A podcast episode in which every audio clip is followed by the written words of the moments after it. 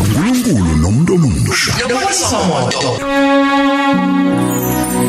Ngiyabingelela kakhulu egameni lika Jesu. Ngiyathanda ukuthi ngibingelele ubonisa moto usisi wethu umethuli wehlelo. Ngiphinde futhi ngibingelele umfundisi ulungisani Simelani umdidiyeli wehlelo. Sibonge kakhulu umsebenzi omkhulu omuhle kangaka abawuyenzayo kuyinyanga yethu futhi yabantu abasha. Ngiyathanda futhi ukuthi ngibingelele abaphathi babantu abasha eindaweni ezahlukene emabandleni ku community la okhona abantu abasha bonke ngiyabingelela abantu abasha ngiyabingelela eningizimu Afrika yonke jikelele ngiyabingelela. Ngingakhohliwe futhi ngibingelele abafundisi bethu noma mfundisi bethu eindaweni emabandleni ahlukahlukene. Ngiyabingelela egameni lika Jesu amen. Ngiyathanda nje ukuthi ngisho awu kulolu suku oluhle kangaka enyangeni enhle kangaka ngisho ukuthi kwaze kwaba mnandi ukuba umuntu omusha. Kwaze kwaba mnandi nje ngiyikhulumela mina ukuthi ngaze ngatana sekubeni umuntu nje omusha umuntu omthandayo futhi uNkulunkulu. Ngoba phela manje uma sibhekile ubusha ubuzwa wena ngaphakathi. Ukhona oshadile kodwa usasemusha. Ukhona osenezingane kodwa nje akuqedi ukuthi ube ngumuntu omusha. Ngoba phela ubusha into izwa ngaphakathi egameni lika Jesu kwaze kwaba mnandi. Siyabonga kakhulu egameni lika Jesu nethuba la okhozini. Ngiyathanda ke ukuthi manje sabelane izwi likaNkuluNkulu singavula emabhayibheli ethu sifunde lapha yana kuMateyu sifunda lapha kuMateyu sifuna ukubuka indaba yomuntu omusha. Sibuka indaba yomuntu omusha ezwini. Ngiyathanda ke ukusho ukuthi ngiyayithola indaba yomuntu omusha kuye uJesu esibhekelele kuye. Nakho siyafunda ke kuMateyu 1 verse 21 ilapho sifunda kuthiwa izwi likaNkuluNkulu lithi uza kuzala indodana uyiqambi igama lokuthi uJesu ngokuba nguye oyakusindisa abantu bakhe ezonweni zabo la siyambheka uJesu. uJesu naye kulesi sikhathi simthola engumuntu omusha. Lithi iBhayibheli ke uyozala indodana la sibuka ukuthi indodana le uzalwa nje usenenjongo emhlabeni. Uzalwa nje useyazi ukuthi uzokwenzani emhlabeni. Nangomsebenzi kaJesu umkhulu kakhulu kodwa uyenza engumuntu omusha. Ngoba nangu uJesu uza nje ukuthi azoqeda ngendaba yesono. Ngoba nangu uJesu ezoletha insindiso egameni lika Jesu siyambona nangu uJesu phela. uJesu uyabethelwa uJesu uyafa esiphambanweni. Ngisho mina uJesu engasizwanga ngisho nayingelosi kungena bandla kungena bapostoli ngoba uJesu simfumana engumuntu omusha kodwa esesimweni lapho ezobuyisa umuntu kuNkulunkulu.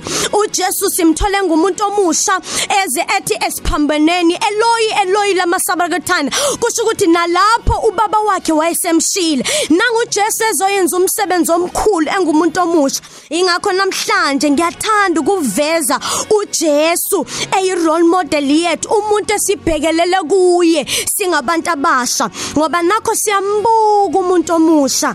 Simbuka umuntu omusha engumuntu onamandla. Siyambuka umuntu omusha engumuntu ohlakaniphile. Siyambuka umuntu omusha engumuntu onamaphupho. Ngikhuluma nawe lapho umuntu omusha ukuthi uyazazi ukuthi wena unamandla kakhulu. Ungumuntu onamaphupho amakhulu ungumuntu ofisayo ukuthi engathi ungashintsha nesimo sasekhaya. Ungumuntu onamaphupho oyibona unamabhizinisi. Ungumuntu onamaphupho oyibona usebenza endaweni ezithizeni ngoba wena kuwe ngaphakathi kuwe kunento engamandla kuwe ngaphakathi kwa noma ungabangakana kodwa as long usasengumuntu omusha ngoba ubusha uyikho engikuchazile ukuthi ukuzwa ngaphakathi. Sikhuluma lokho sikhuluma indaba yomuntu omusha. Kodwa nge ngokuthi indlela yinde kakhulu. Siyabuka ukuthi uyakhula kunezinto oyifisayo kuningi ofuna ukukuthola emhlabeni. Kodwa ukuthi indlela ibise ibe yinde. Uyithola ngumuntu omusha mhlawumbe lapho udinga isikole usitholi uyithola ngumuntu omusha udinga umsebenzi awutholi ungumuntu omusha isimo esikhaya awukwazi nokuthi ungashintsha. Ube ngumuntu omusha kunezinto obhekana nazo endleleni. Abanye siyakhuluma nje singabantu abasha. Usuthole ingane usuhlele ekhaya. Awusazi nokuthi ungenza njani. Ungumuntu omusha mhlambe when it comes to indaba yesikolo awuyiboni kahle. Suhlele ekhaya uphelelwe lithemba uphelelwe yonke into. Kodwa nali izwi ngizokhuthaza umuntu omusha nami ngimusha ukuthi ngempela lendlela iyahambeka. Ukhona uNkulunkulu osizayo sithwalayo ongakwazi ukuba nathi. Sifunde futhi lapha yana kuIsaiah 40 Isaiah 40 siyafunda ukuthi lapha yana kuverse 40 chapter 40 verse verse 30 to 31 ithi izinsizwa ziyaphela amandla ziyakhathala nabasha bayawa nokuwa. Kodwa nayi indaba ukuthi kepha abemethembayo uJehova bayathola amandla amasha bayakhuphuka ngamaphiko njengezinkozi bayagijima bengakhathali bahambe bengaphelelwa ngamandla. Ngizosho njalo ukuthi uma sibheka sinabantu abasha babili la masiphile emhlabeni. Nababantu abasha babili kunomuntu omusha lapha ekhaya ophumelele. Kube khona umuntu omusha osaya khona empumelelweni. Asikhulumeke ngosephumelele umuntu omusha uphumelele umuntu omusha uyabona ukuthi konke kumhambela kahle. Mhlawumbe so uyasebenza mhlawumbe so usenokwakho so uhlala kwakho konke kukuhambela kahle. Umuntu omusha ke uyathanda lo ukuthi masephumelele kube nento yokuthi mhlambe lo ngakaphumelele ebesambhekele phansi lo okungakamlungele ebese yena aqala ayibona engathi konke kuhamba kahle engeke ngathi engathi angeke zifike izinsuku zosiza engathi ngeke zifike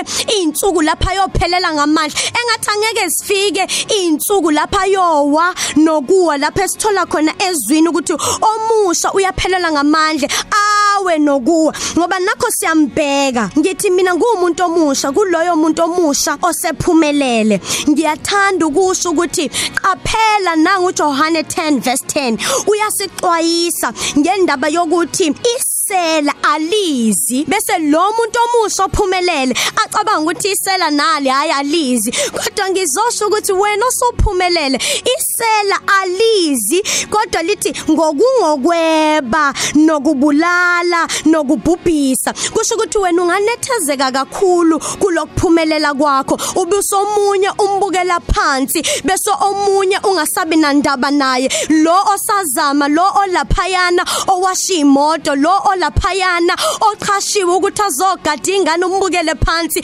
ngoba wena sowuhlele wovizini kodwa nali iBhayibheli liyasixwayisa ukuthi hayi isela liyeza ngoba nakho liyasitshela la ukuthi liyeza lizokweba ngoba lo phumelelo ubese uyatanasa ecabanga ukuthi konke kumhambela kahle acabanga ukuthi konke ku right ku sharp kanti nakho liyezisela lizokweba ngoba uzoqhubeka umuntu omusha tanase kanti akasabona ukuthi selifikile isela leba ngoba ukuntshontshiwe kuyayenzeka ukuthi ungaboni ukuthi khona okuntshontshiwe uqhubeke wena uhambe usebenze ufunde wenze konke kanti sokukhona okuntshontshiwe ngoba mhlambe ungase ubone uvula amehlo. Lapho sekuqala ke isela selibhubhisa selibulala. Kanti ke kumele ukuthi ube ngumuntu omusha nje okwaziyo ukuthi umbazi nabanye. Ukwenza njani lokho? Ukuthi noma sowuphumelela uyahlala emthandazweni. Noma sowuphumelela uyahlala ezwini likaNkuluNkulu. Noma sowuphumelela uyazithoba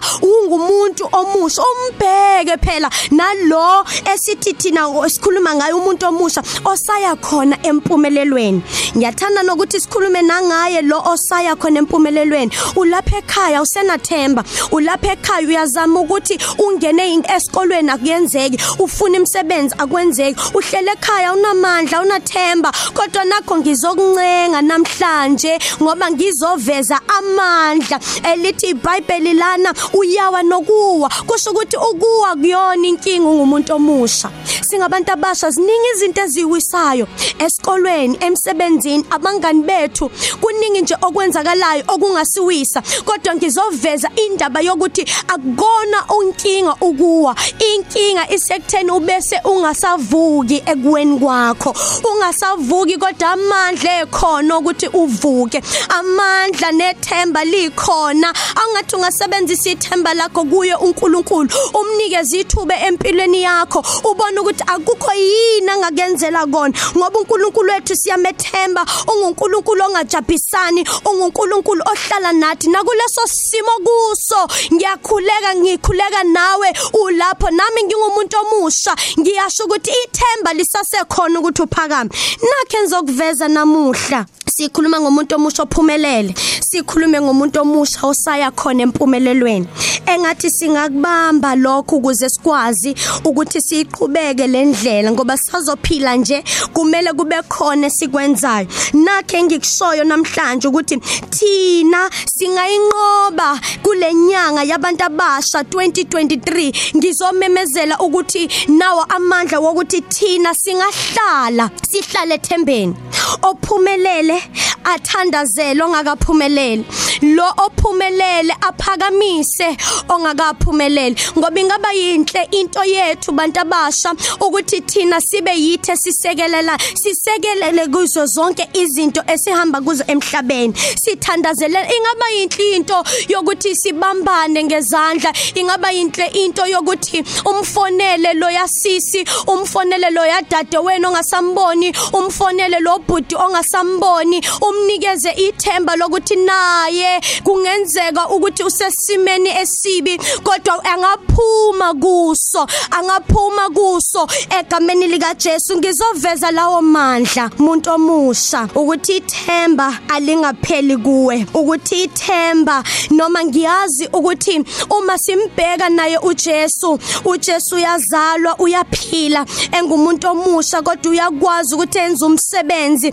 uJesu washaywa walinyazwa uJesu wahlukunyezwa. Kodwa simbheka eh, thina singabantu abasha engathi singabheka kuye ukuthi oh kanti nathi siyakwazi ukuthi sibone ukuthi awusiyadlula ezintweni asipheleli kuzo ezintweni lezi ezinzima kodwa siyako athi umhlabelele sidlula ezintweni bantu abasha siyadlula. Yebo ubona ngathi ngeke ukwazi ukudlula kodwa ngizomemezela ukuthi siyakwazi ukudlula siyakwazi ukunqoba siyakwazi ukuphumelela siyakwazi ukuthi nakulesi simo sinqobe uma sibambisene. Mina ngizoveza ukubambisana kubantu abasha ngizoveza ukuthi asithandazelane ngizokuphinda phinda lokhu kuze kungene einhlizweni zethu ngizokuphinda phinda kuze kungene nasengqondweni zethu ukuthi singaba singambukeli phansi lo ongakathola umsebenzi singambukeli phansi lo ongakafundi singambukeli phansi lo sekhaya osalusa singambukeli phansi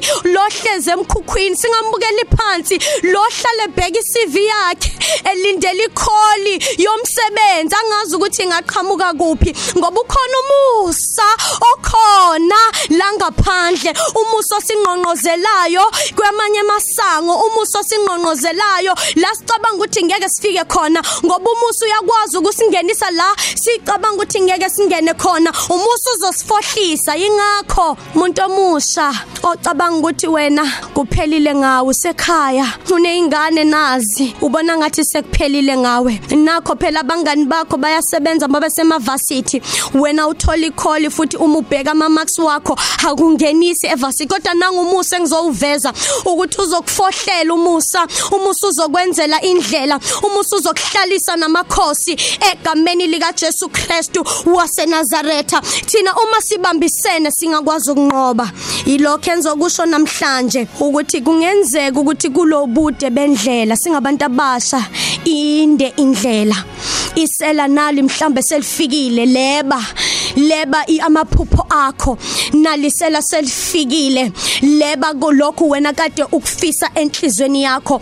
Maybe sifikile isitha seba nengqondo ngoba uyambona umuntu omusha ukuthi okulahlekile lana ingqondo okulahlekile lana ithemba kodwa ngingumuntu omusha. Ngizomemezela lokho ukuthi liyabuya ithemba kuwe. Ngizomemezela lokho ukuthi nengqondo yakho siyayishintsha siyayiguqula. Kulesimo sikuyo siyashintsha siyaguqula egameni lika Jesu Kristu waseNazaretha iqala manje uyibuke wena ungumnqobi qala manje uyibuke wena ungumuntu onamandla ngoba vele umuntu omusha ungumuntu onamandla umuntu ingakho nesitha sidlalela kubona abantu abasha ngoba thina uma sibambisene siyakwazi ukuthi siphumelele siyakwazi ukuthi sinqobe. Iningizimu Afrika yonke siyakwazi ukuthi siguqule emaparlamente siyangena emavasithi siyangena ngiyabuka umuntu omusha ocabanga nje odokotela a- a- a- abantu abasha bebe ngodokotela abantu abasha onesi abantu abasha bebe ngothisha abantu abantu